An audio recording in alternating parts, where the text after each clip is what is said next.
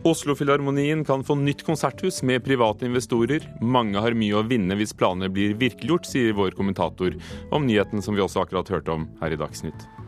Russland anklager USA for å vanskjøtte graven til komponisten Rakhmaninov. Og Ian McEwan har skrevet et skarpt kammerspill. Det sier vår kritiker om den siste romanen fra en av Englands mest kjente forfattere.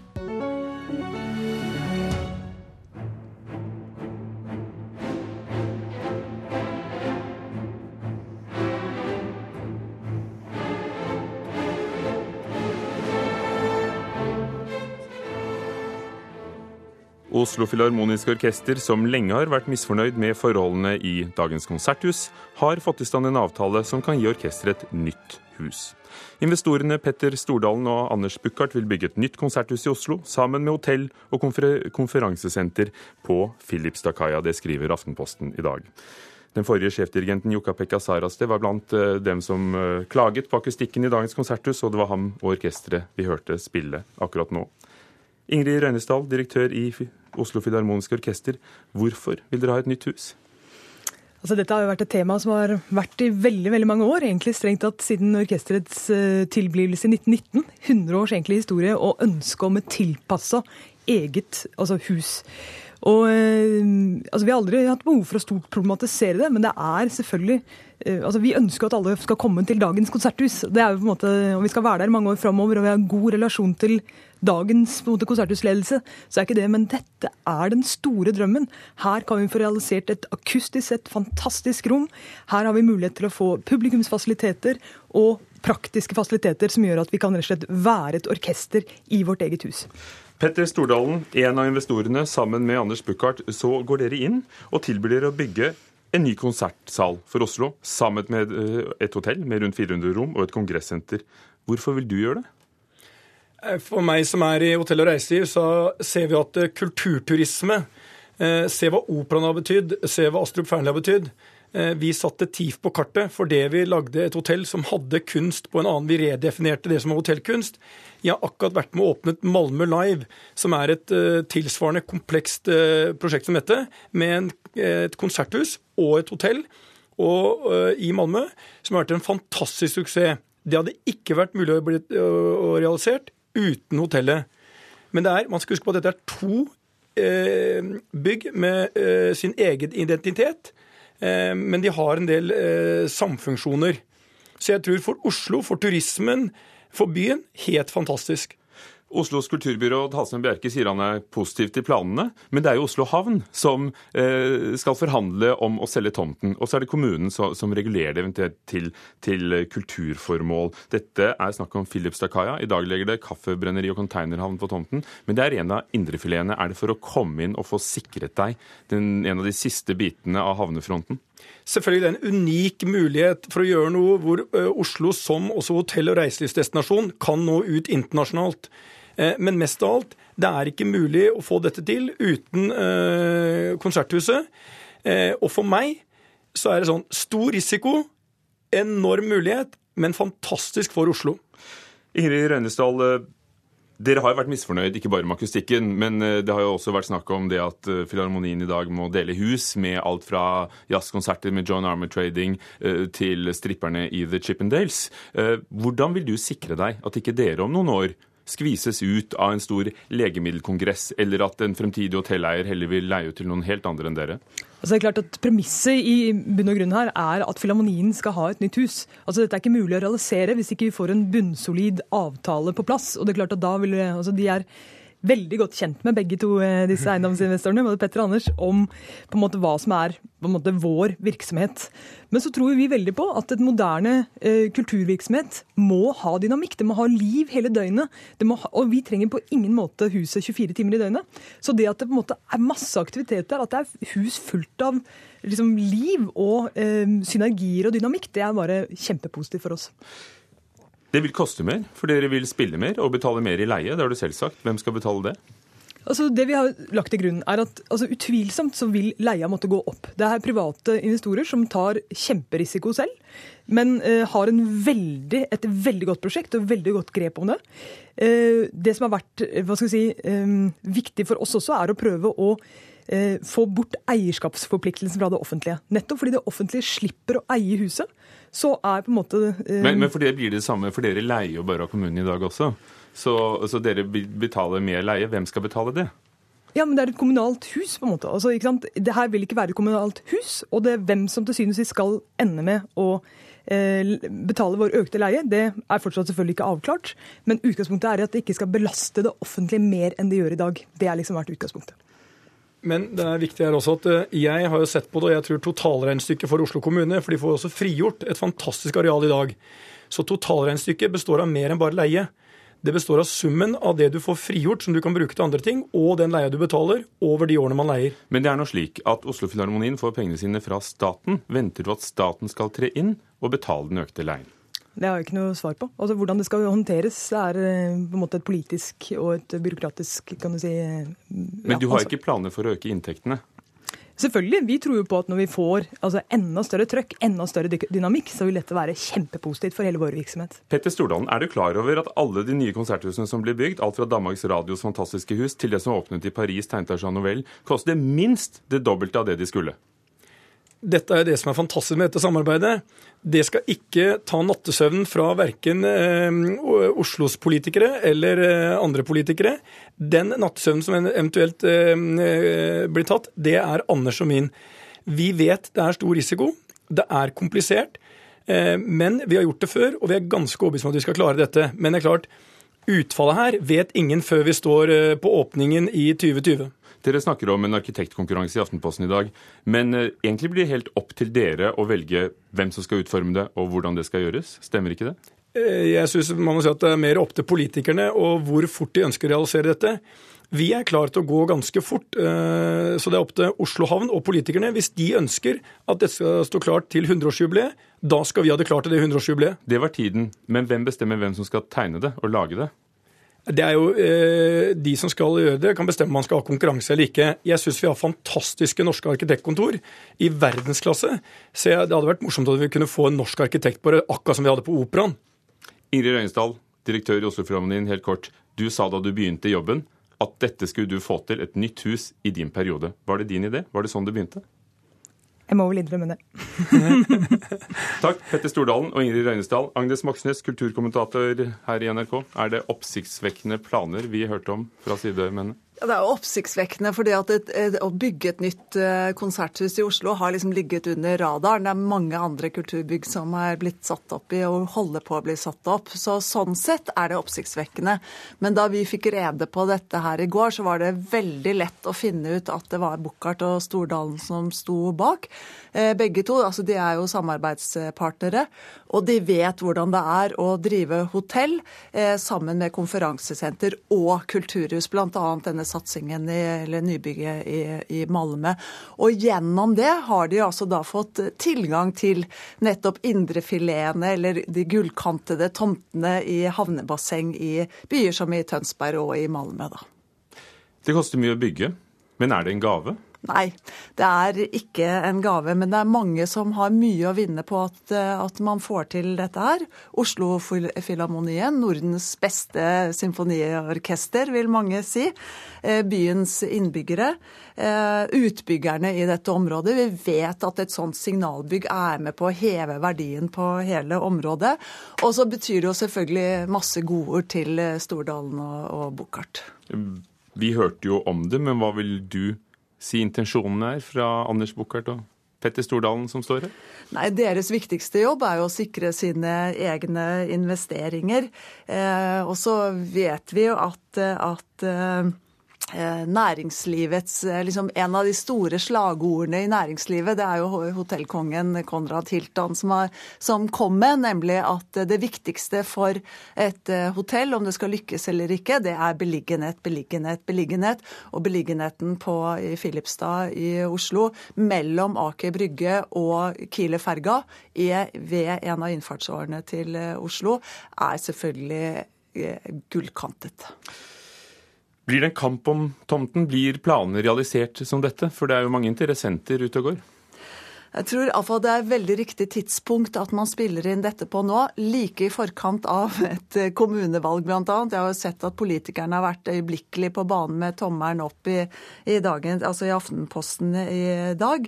Eh, og applausen har kommet både fra venstre og høyre side der. Takk skal du ha, Agnes Moxnes. Les mer på nettsidene våre nrk.no.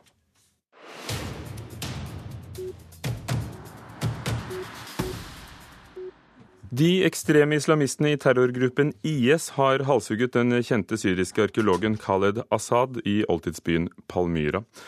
82-åringen har forsket og arbeidet i ruinbyen i over 50 år, og har også publisert mange artikler om byen.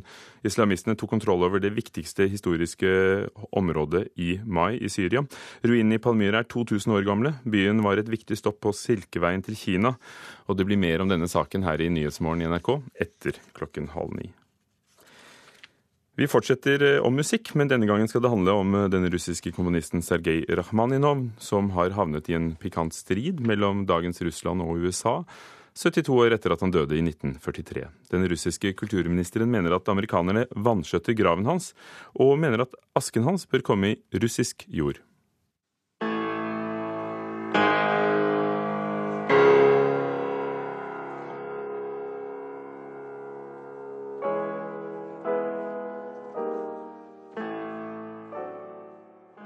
Det var disse tonene som et slag gjorde Sergej Rakhmaninov verdensberømt. Hans sismol-preludium fra 1892 er også i dag et av den russiske komponistens mest spilte verk. Sergej Rakhmaninov var de neste tiårene en av de mest sentrale figurene i det blomstrende russiske musikklivet. Både som pianist, dirigent og som komponist, som også kastet seg ut i de større formater, bl.a. gjennom flere stort anlagte pianokonserter.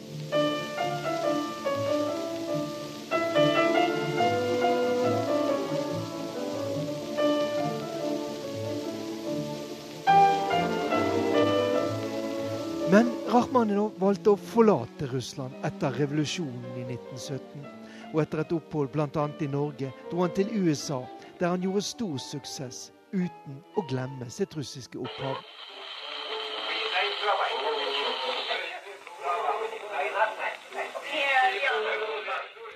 Dette er et sjeldent opptak fra New York i 1933, der vi hører Rahmaninov både spille og snakke russisk.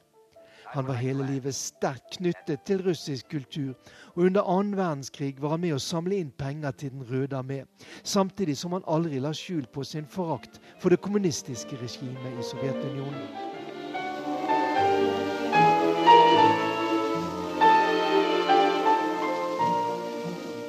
Sergej Rahmaninov døde i 1943 og ble gravlagt på Kensiko-kirkegården i New York. Men nå er Russland, som Rakhmaninov flyktet fra, historie. Og derfor mener den russiske kulturministeren Vladimir Medinsky at det er på tide at komponistens levninger graves opp og legges i russisk jord. Gjerne i nærheten av Rakhmaninov-familiens gamle gods nær byen Novgorod vest i landet. Medinsky kom med utspillet sist helg, og det har naturlig nok fått stor oppmerksomhet. Ikke minst fordi det kommer i en tid der forholdet mellom Russland og USA er tilbake til det det var under den kalde krigen. Medinsky hevdet at amerikanerne har prøvd å gjøre Rakhmaninov til sin, på samme måte som de har prøvd med mange andre personer med russisk opphav. Men utspillet fra den russiske kulturministeren har ikke fått gjenklang hos etterkommerne til Rakhmaninov-familien. Susan Sofia Rachmaninov Wanamaker, som er oldebarn til komponisten, sier til BBC at Sergej Rachmaninov ønsket å bli gravlagt ved siden av sin kone, og det har skjedd i USA. Dermed blir det trolig gjennom musikken russerne også i framtiden må forholde seg til sin store, men altså utvandrede komponist.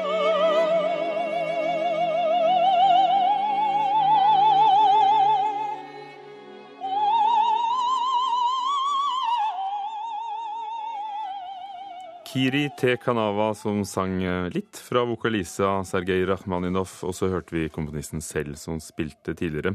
Reporter i Moskva, Morten Jentoft. Klokken er straks 18 minutter over åtte. Du hører på Nyhetsmorgen i NRK. Overskriften i dag. Om lag halvparten av norske ordførere synes det er greit at Stortinget tvinger frem kommunesammenslåinger. Det viser svar NRK har fått fra 300 av Norges 428 ordførere. Regjeringens kutt i bedriftsskatten fører til milliardtap for kommunene, mener kommunenes interesseorganisasjon KS. Og senere i Kulturnytt kommer vår kritiker, som har lest Ian McEwans nyeste roman. Jeg kan se Satan i mine egne øyne, det sier filmskaper Ida Storm, som har laget en dokumentar om sine egne psykiske lidelser. Under årets filmfestival i Haugesund er det flere filmer som har psykisk helse som tema. To dager etter at filmen Flink pike holdt på å vinne Folkets Amanda-pris, ble det vist to filmer som også tok opp psykisk helse. Og en av dem er Idas dagbok. Hvis jeg hadde visst at noen skulle sett det jeg hadde filma den gangen, så hadde jeg jo sagt ting på en helt annen måte. Hun sitter på kaien i Haugesund, 28 år, pen, lyst hår, grå jeans, forsiktig sminket. Og hun har akkurat vist sitt aller mest sårbare frem i filmen 'Idas dagbok'. Nå har du nettopp hatt eh, en forelesning på et seminar, og du er jævlig stressa og redd. Eh, jeg syns det er veldig viktig å vise en sånn film, ikke fordi at min historie er så unik, men fordi at den ikke er så unik. Det Ida Storm har gjort, er å filme seg selv gjennom ti år, selfie-style. Så hadde jeg det veldig vanskelig, så jeg begynte å snakke til kamera. I den tiårsperioden har hun levd gjennom en mental heisatur, som har krysset innom borderline-diagnose, selvskading, drømmen om å ta sitt eget liv, og ekte og hudløs glede over å ha klart å slå seg gjennom slike tanker. I, i et av klippene når du står og ser deg sjøl i speilet, så ser du noen trekanter. Du ser noe annet enn det vi ser. Hva er det du ser? Eh, noe ondt. Det er vel angsten min. Jeg ser eh, Satan. Jeg kan se Satan i andres øyne og mine egne øyne. Idas dagbok var ikke den eneste filmen som satte fokus på psykisk helse i Haugesund i går. Her presenterer regissør Elsa Kvamme sin film. Så da skal vi ønske dere en god film. Einars forsvinningsnummer tar for seg de psykiske virkningene som følger av å få beskjeden om at du har dødelig kreft og hvordan innstilling kan holde liv i en dødssyk. Og han hadde en veldig dårlig prognose. og Det var 2007, og det er 2015. Han lever fortsatt. Også Elsa Kvamme er opptatt av hvordan denne typen filmer kan redde eller bringe håp til publikum. Som syns det er inspirerende å jobbe med folk som prøver å lure døden, og, og som spiller sjakk med døden. Så der kan vi være listige, og det håper jeg kan inspirere folk til å være. Hvordan kan jeg få neste trekk? Tilbake til filmen 'Idas dagbok'. Det var mannen bak Push-Wagner-dokumentaren August B. Hansen som gjorde Idas videodagbøker til film. Og to dager etter at filmen 'Flink pike' sensasjonelt var nominert til Folkets Amanda, tror Hansen på en trend norske filmer som åpner opp for å synliggjøre psykiske lidelser. Hadde jo 'Flink pike', f.eks. Det, er, det er større åpenhet om ting, men samtidig så skal vi ikke, skal ikke undervurdere at altså, unge mennesker, kanskje spesielt, de har ikke den samme innsikten i disse tingene her, og kunnskapen om disse tingene som veldig mange voksne kanskje tar for gitt. Og både Ida og regissøren bak Idas dagbok tror slike dokumentarer kan redde liv. Jeg håper, håper jo det. Så jeg har fått tilbakemelding på det allerede, at eh, min åpenhet har hjulpet mange, og det setter jeg veldig, veldig, veldig stor pris på. Sa filmskaper Ida Storm til vår reporter i Haugesund, Mikael Olsen Lerøen. Arne Holte, assisterende direktør ved Folkehelseinstituttet og professor i helsepsykologi. Tror du filmer som den vi hørte om, kan hjelpe mennesker? Det kan godt være. Eh, vi har nok dessverre ingen store vitenskapelige undersøkelser som viser effekter av dette over lang tid. Men utgangspunktet her må være at psykiske lidelser er fortsatt noe vi skammer oss over, noe som er tabubelagt, noe vi ikke snakker om, til tross for at alle kjenner noen som har det. Og det å alminneliggjøre dette, vise dette frem, det er viktig. Så jeg syns vi skal heie frem disse filmene, selv om vi ikke sitter med harde data på at det eventuelt redder liv. Vil det alltid være eh, en god ting å fremstille psykiske lidelser på film? Slik du ser det? Ja, jeg vil svare rett, rett, og slett ja på det. Under forutsetning at det gjøres i et format, en form som eh, preges av innlevelse, varme, kanskje også humor, og til og med noen ganger litt selvironi, som noen av disse filmene jo faktisk gjør. Kan det ikke også tenkes at det er med på å, å romantisere? Jeg tror at ingen mennesker som har opplevd å ha en alvorlig depresjon, en alvorlig angstlidelse, en psykose, eller kanskje ikke klarer å holde orden på atferden sin, eh, vil synes at det er noe særlig romantisk. Dette er som oftest såpass vanskelig og belastet med så mye lidelse, både for en selv og ens nærmeste, at jeg tror ikke det er noen fare for at man skal romantisere dette. Er det noen utvikling i hva som er tabu? I de årene du har studert dette, er det fortsatt like tabu som da, da du begynte å se på det? Nei, vi har en del indikasjoner på at eh, det i hvert fall i Norge, eh, særlig under opptrappingsplanen for psykisk helse som varte i, i ti år, og hvor ikke minst media var veldig aktive med å formidle kunnskap, at vi har fått en mer liberal holdning, at vi har fått en mer aksepterende holdning. Veldig interessant å se at de store media skriver barn og unge om egne psykiske eh, plager og forteller om det, er opptatt av å formidle på det. Så jeg tror vi ser en ganske viktig endring i dette. Mm. Er det noe jeg virkelig skulle ønske meg hvis vi skulle se en videre utvikling i dette? Så er det ikke bare at vi fremstiller hvordan det er å leve med en psykisk lidelse, men at vi også vi prøver å lage kreative filmer som dette er om det vi kaller positiv psykisk helse. Hvordan utvikler man en følelse av identitet og selvrespekt, av mening i livet, av en følelse av å mestre, en følelse av trygghet, av tilhørighet? Hvordan, hvordan, hvordan, møter man sosiale utfordringer? Disse tingene tror jeg virkelig at man kan lage gode filmer på. Det vil være en videre utvikling. For den filmen har du ikke sett ennå? Den har jeg ikke sett ennå. Pøbler gir litt av det. Men vi, jeg tror vi kan få enda mer av det. Takk skal du ha, Arne Holte, assisterende direktør på Folkehelseinstituttet. En av Storbritannias viktigste forfattere det er Ian McEwan, kåret til av The Times. Eh, han er ute med en ny roman på norsk, 'Barneloven'. Litteraturkritiker her i NRK, Anne Katrine Straume. La oss begynne der. Hvorfor er det så stor oppmerksomhet rundt Ian McEwan? Han er en mann som eh, stadig nevnes når spekulasjonene rundt nobelprisen settes i gang på høsten. Eh, han har skrevet en rekke romaner som har nådd ut til et bredt publikum. De er både eh, avanserte, sofistikerte, men de treffer altså alle lag av folket. Han skriver gjerne en slags psykologiske thrillere. Det er alltid en liten twist der. Han utfordrer vanlige mennesker, gjerne folk som er veltilpasset i sitt eget miljø. Det kan være en klimaforsker, det kan være en hjernekirurg. Han utfordrer dem på etisk og moralske dilemmaer og vipper dem ut av balanse. Og gjør dem dermed gjenkjennelige for alle oss som leser. Og hva er det han tar opp i barneloven? Barneloven, Der har vi en hovedperson som heter Fiona May. Hun er eh, i slutten av 50-årene. Hun er høyesterettsdommer i familieretten i London. Eh, hun blir da satt på prøve. Hjemme så er det ektemannen gjennom et langt liv som sier at nå vil han ha, et, han vil ha hennes tillatelse til å ha et sidesprang med en 30 år yngre kvinne. For han sier at han vil ha en ekstatisk opplevelse nå ved slutten av livet. Um, og kanskje så er det litt kjølig, dette forholdet. Hun jobber veldig mye på, på, I retten så får hun en sak hvor det står mellom en dødssyk 17-åring som ikke vil ha blodoverføring for å overleve fordi han er Jehovas vitne. Er det han som nekter dette? Er det foreldrene som nekter dette? Skal eh, fornuft gå foran religion? Skal eh, fornuft gå foran følelser? Her blir det en utfordring for denne Fiona May. Treffer han deg denne gangen? Ian McEwan eh, skriver aldri likegyldig. Altså, når jeg leser Ian McEwan, så er det noen av de største leseropplevelsene jeg faktisk har. Ehm, det som kan bli litt ehm, eh, altså Ikke eh, snakke til hans fordel denne gangen, er at han blir vel tydelig, syns jeg. Han setter opp disse motpolene.